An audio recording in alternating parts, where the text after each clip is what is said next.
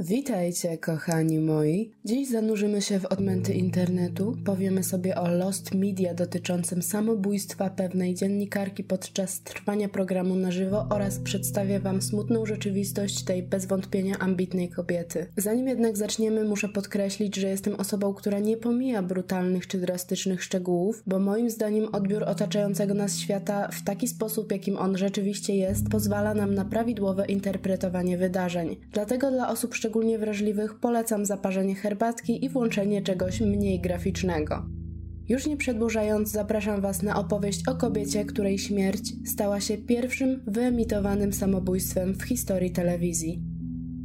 O martwych mówi się dobrze albo wcale. I ja dziś złamię tę zasadę i przedstawię Wam Christine taką, jaka była naprawdę. A więc Christine Czebek urodziła się 24 sierpnia 1944 roku w Hudson w stanie Ohio. Jej matka Peg oraz ojciec George należeli do wyższej klasy średniej. Wraz z dwoma braćmi, Gregiem oraz Tomem, spędzała dzieciństwo na nauce i kształtowaniu siebie. Cała trójka uczęszczała do prywatnych szkół. Podczas lat spędzonych w Laurel, szkole dla dziewczyn, Christine żartobliwie założyła cudowny klub bez randek z innymi odrzuconymi dziewczynami, które nie cieszyły się zainteresowaniem płci przeciwnej. Zresztą wątek braku romantycznych uniesień będzie trapił ją do końca jej dni. Później poszła do koledżu, początkowo studiowała na Ohio State University, ale przeniosła się na Boston University, gdzie ukończyła studia na Wydziale Radiofonii i Telewizji. W 1965 roku uzyskała dyplom. Czebek na początku pracowała w wielu stacjach informacyjnych. Nie mogła nigdzie zagrzać miejsca na dłużej. Marzył jej się szybki awans, co było bardzo trudne, bo lokalne stacje nie oferowały zbyt dużo. Po kilku niepowodzeniach postanowiła spędzić 4 lata jako operator komputerów w szpitalu i 2 lata w firmie od telewizji kablowej w Sarasocie. Później dołączyła do filii ABC WXLT TV i tam też właśnie w tej konkretnej stacji postanowiła zakończyć swoją historię. Jeśli chodzi o jej życie osobiste, to z boku wydawało się dość spokojne. Czabek przeprowadziła się do letniego domu rodzinnego i tam ponoć urządziła sypialnię w taki sposób, by wyglądała jak sypialnia nastolatki. Stawiła również łóżko z baldachimem. Jej rodzice się rozwiedli, ojciec ułożył sobie życie w innym mieście, a sama Christine dzieliła dom z matką i bratem. Relacje w rodzinie były naprawdę zażyłe. Opisywała swoich bliskich jako jej najbliższych przyjaciół. Mimo tego pozornego spokoju przez całe życie cierpiała na depresję. Była pod opieką kilku różnych psychiatrów, ale nigdy nie wytrzymała na terapii dłużej niż kilka dni. Denerwowała się również na to, jak jej organizm reaguje na leki, gdyż była po nich ospała i ciężko było jej się skupić. Próbowała przedawkować narkotyki w 1970 roku i często wspominała o tym wydarzeniu. Depresja w latach 70. była dość obcym zjawiskiem i ludzie podchodzili do osób z takim problemem dość wrogo. Postrzegano to jako wadę charakteru. Matka Christine na przykład bała się powiedzieć dyrektorowi stacji o chorobie córki, ponieważ istniało duże prawdopodobieństwo, że zostałaby zwolniona. Temat stanu psychicznego Christine był tematem tabu. Nawet rodzeństwo nie znało szczegółów. Młodszy z braci dowiedział się, jak bardzo jest źle z jego siostrą przez prześledzenie rachunków rodziców, gdyż wydawali oni mnóstwo pieniędzy na różnych lekarzy psychiatrii. Po latach wyznał, że siostra prawdopodobnie cierpiała również na chorobę afektywną dwubiegunową, chociaż nie był to znany stan, kiedy jeszcze żyła. Miała huśtawki nastrojów i czasami wybuchała złością przez jakąś drobnostkę. Czebek często narzekała, że nadal jest dziewicą, a jej życie towarzyskie praktycznie nie istnieje. W ciągu całego swojego prawie 30-letniego życia była tylko na dwóch randkach. Nie miała wielu sympatii, ale kiedy była nastolatką spotykała się z mężczyzną kilka lat starszym, a rodzina Christine zauważyła, że oboje pałali do siebie uczuciem. Niestety związek nie miał szans nawet się rozwinąć, ponieważ mężczyzna stracił życie w wypadku samochodowym. W ostatnim roku roku swojego życia kobieta pracowała z reporterem, George'em Peterem Ryanem. Zakochała się w Ryanie, ale było to uczucie nieodwzajemnione. Mężczyzna zaczął się spotykać z Andreą Kirby, która była przyjaciółką Christine i wszyscy w dodatku pracowali razem, więc było to dla niej bardzo trudne, żeby codziennie patrzeć na tę dwójkę ludzi. Poza pracą uczęszczała na wolontariat w lokalnym szpitalu, gdzie wystawiała dla dzieci przedstawienia kukiełkowe. Długo cierpiała na silne bóle brzucha, które po konsultacji lekarskiej okazały się problemami z prawym jajnikiem. Lekarze zalecili usunięcie go, mówiąc, że jeśli Christine chce mieć dzieci, będzie musiała się o to szybko postarać. Miała dwa lata na zajście w ciążę. Po przekroczeniu tego czasu prawdopodobieństwo, że kiedykolwiek będzie w stanie począć, było bliskie zeru. 50 lat temu realia były takie, że uważano kobiety w wieku 30 lat za stare panny. Dlatego presja na barkach kobiety rosła z każdym kolejnym dniem. Chociaż wszystkie te rzeczy mogły prowadzić do obniżonego samopoczucia, jest wysoce wątpliwe, że były one główną przyczyną jej stanu. A raczej powodem była nieleczona choroba psychiczna. Właściciel WXLT, Bob Nelson, zatrudnił Christine jako reportera, ale widział potencjał w kobiecie. Pozwolił jej więc na prowadzenie talk show o sprawach lokalnych. Program nosił tytuł Sun Coast Digest i był emitowany o 9 rano. Współpracownicy twierdzili, że Christine miała tendencję do bycia szorstką i defensywną. Używała często ironii mówiąc o sprawach poważnych oraz nieustannie krytykowała samą siebie, odrzucając wszelkie komplementy od innych osób. Czebek potraktowała swoje stanowisko bardzo poważnie i dawała z siebie wszystko, jednak ciągle słyszała, że powinna zająć się sprawami bardziej drastycznymi, takimi, które wzbudzają skrajne emocje w odbiorcach. Postanowiła więc przygotować reportaż o ludziach, którzy kończą swoje życie z własnej woli. Podczas zbierania informacji Czebek skontaktowała się z lokalnym posterunkiem policji, aby porozmawiać o różnych metodach, które zwykle wykorzystują samobójcy. Jeden z oficerów, z którymi rozmawiała, poinformował ją, że użycie broni, a konkretnie konkretnie pistoletu o kalibrze 38 jest najskuteczniejsze. Dodatkowo powiedziano jej, że nie powinno się celować w skroń, ponieważ kula może się przesunąć po czaszce, tylko w dolną część głowy i wygląda na to, że kobieta skorzystała z rady oficerów na własne potrzeby. Tydzień przed incydentem powiedziała redaktorowi nocnych wiadomości Robowi Smithowi, że kupiła broń i zażartowała, że popełni samobójstwo na antenie, mówiąc: no cóż, pomyślałam, że to fajny pomysł, jeśli wejdę na żywo i po prostu się wysadzę. Smith później stwierdził, że nie reagował na to, ponieważ uważał, że to po prostu czarny humor czabek i zmienił temat na coś lżejszego. Greg, rozmawiając ze swoją siostrą, zauważył, że była ona bardziej przygnębiona niż zwykle. Powiedziała, że nie ma już ochoty na życie. Myślę o samobójstwie i nie jestem do końca pewna, co mam zrobić. Nie chciała jednak rozwijać tego tematu i zaproponowała, że porozmawiają o tym później. Rankiem 15 lipca 1974 roku Czabek była w bardzo dobrym nastroju. Poprosiła o możliwość przeczytania porannych wiadomości otwierających jej program, czego nigdy wcześniej nie robiła. Zazwyczaj wiadomości czytali poranni reporterzy, a ona wchodziła zaraz po nich i przeprowadzała wywiad z zaproszonym wcześniej gościem. Dostała zgodę i zajęła miejsce przy biurku prezentera. Podczas pierwszych 8 minut programu Czabek trzymała się skryptu, wspominając o trzech lokalnych sprawach. Później przeszła do omawiania sytuacji, która miała miejsce poprzedniego dnia w restauracji Beef and Bottle. Mianowicie rozegrała się tam strzelanina na tle rabunkowym, której kilku ludzi zostało rannych. Christine zapowiedziała reportaż Boba Petersona, ale wtedy dostała znak, że taśma zacięła się i nie ma możliwości puszczenia materiału. Czebek musiała więc improwizować. Powiedziała widzom, że mają niespodziewane problemy techniczne. Wspomniała kilkoma słowami o Grace Foster, czyli ofierze rannej w wyniku strzelaniny. Reżyser dał znak, żeby przestała mówić, ale zlekceważyła to. Wzięła oddech i powiedziała, patrząc prosto w oko kamery.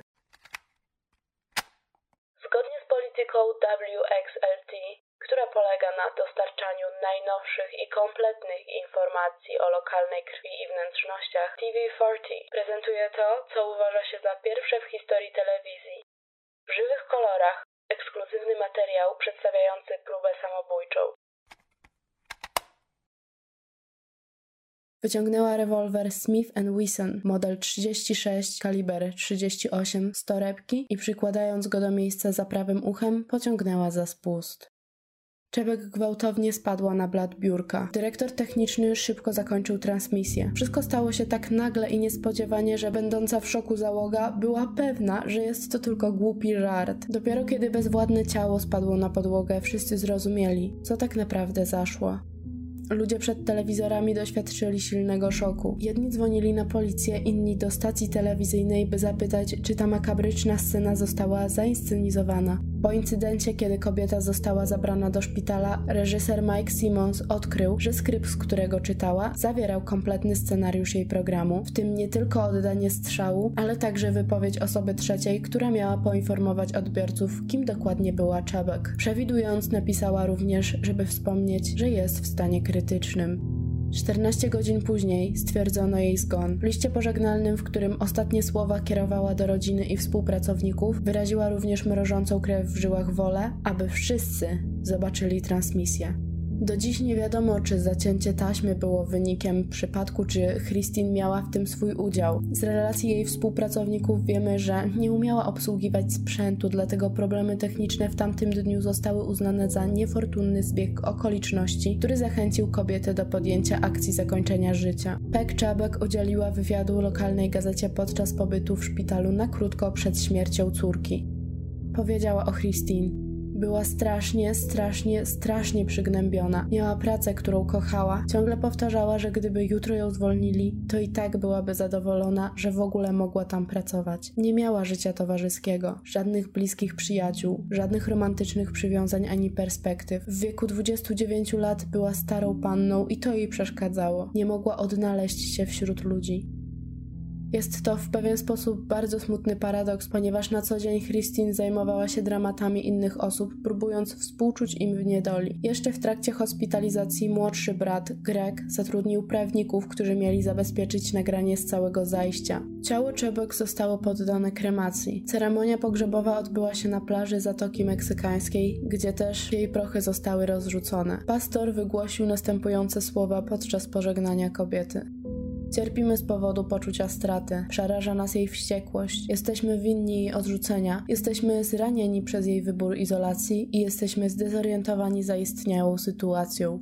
Chociaż to wydarzenie było sensacją przez następne kilka dni, to dość szybko o niej zapomniano. W latach 90. nagraniem sceny samobójczej zainteresowały się nowe pokolenia. Historia Christine została też opisana w kilku artykułach, rozbudzając ciekawość społeczeństwa, ponieważ to, co zrobiła Czebek, miało miejsce przed popularyzacją domowego sprzętu do nagrywania. Nikt nie posiadał kopii programu Suncoast Digest z tamtego dnia. Stacje informacyjne rzadko też nagrywały swoje programy. Jednak Gordon Gordon Galbraith, pracownik porannej zmiany obecny w chwili, gdy Czebek odebrała sobie życie, twierdził, że Christine wyjątkowo poprosiła go o nagranie tamtego odcinka, a on zastosował się do tego.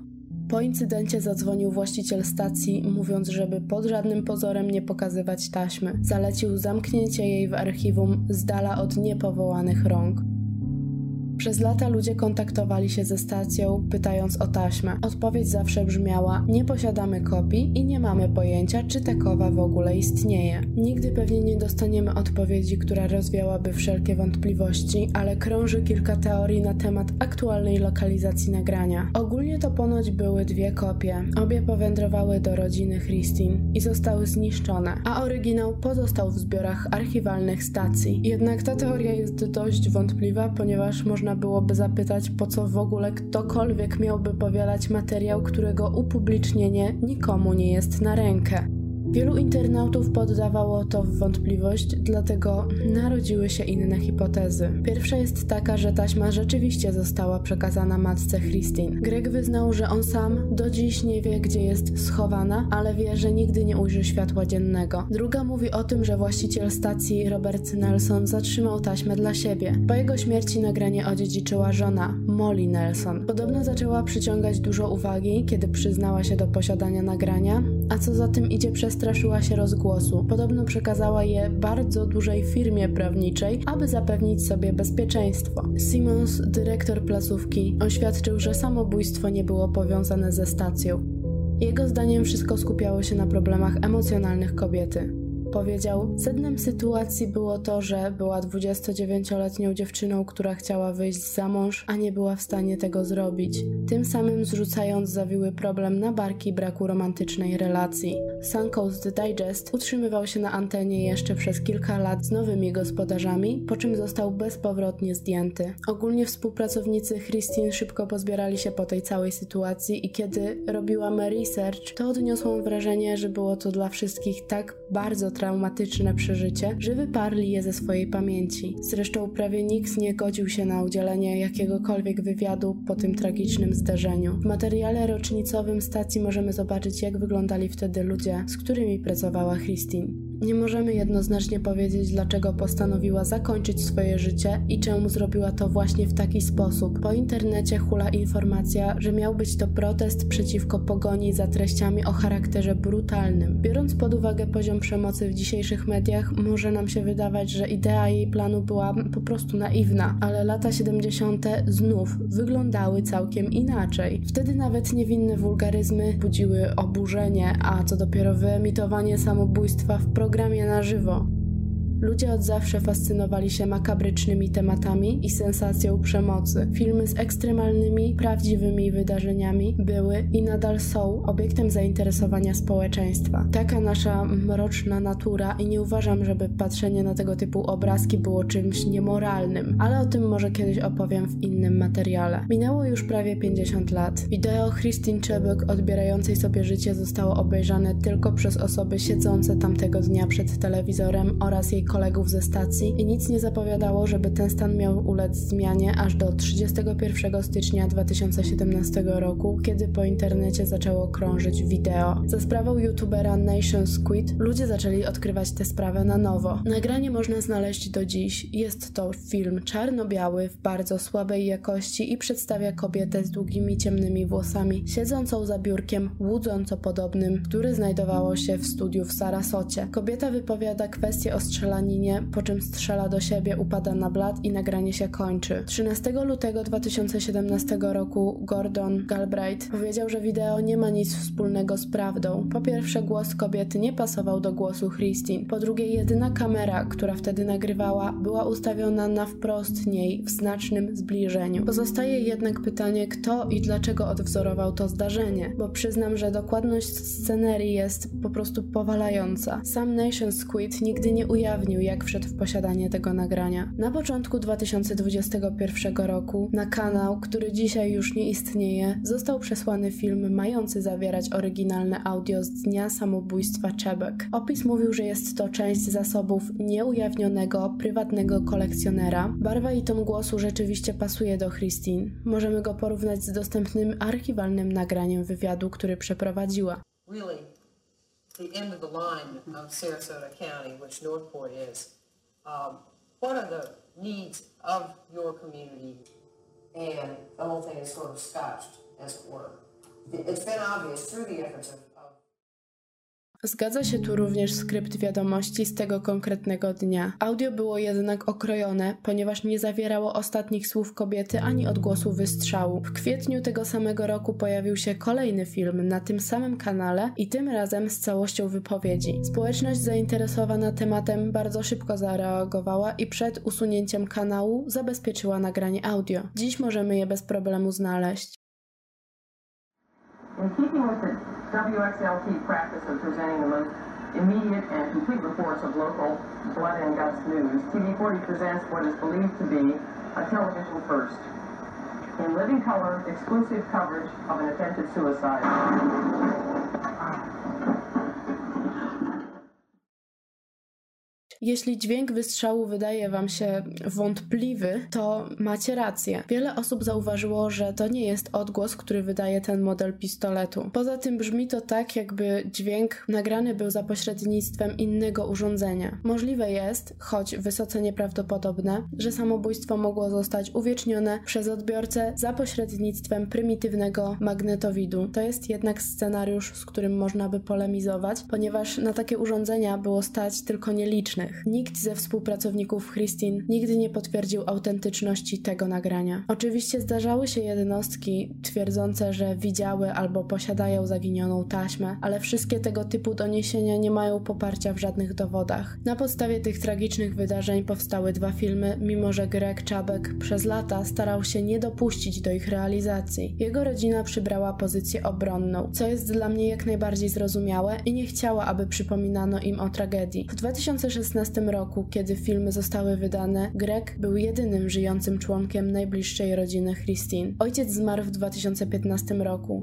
matka w 1994, a starszy brat Tim w 1986. Dla mężczyzny filmy te są tylko przypomnieniem o tym, w jak makabryczny sposób odeszła jego siostra. W wywiadzie wyjaśnił, że żaden scenariusz prawdopodobnie nie będzie skupiał się na prawdziwym problemie, jakim jest choroba psychiczna. Wyraził obawy, że temat oscylować będzie wokół niemożności znalezienia miłości. Greg nie obejrzał żadnego z filmów. Stwierdził, że byłoby to dla niego zbyt bolesne doświadczenie. Śmierci Czebek wbrew jej ostatniej woli nie widziano od czasu jej emisji na żywo i zdaje się, że tak już pozostanie na zawsze.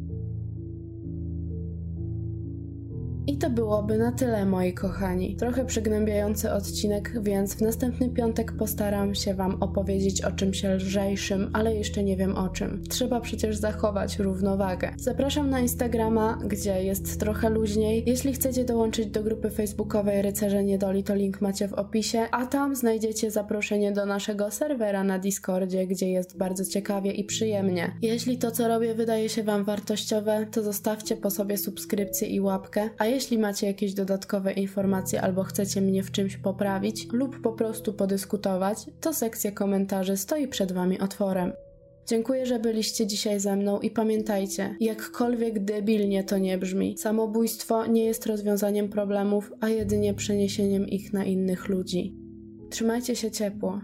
Bajo.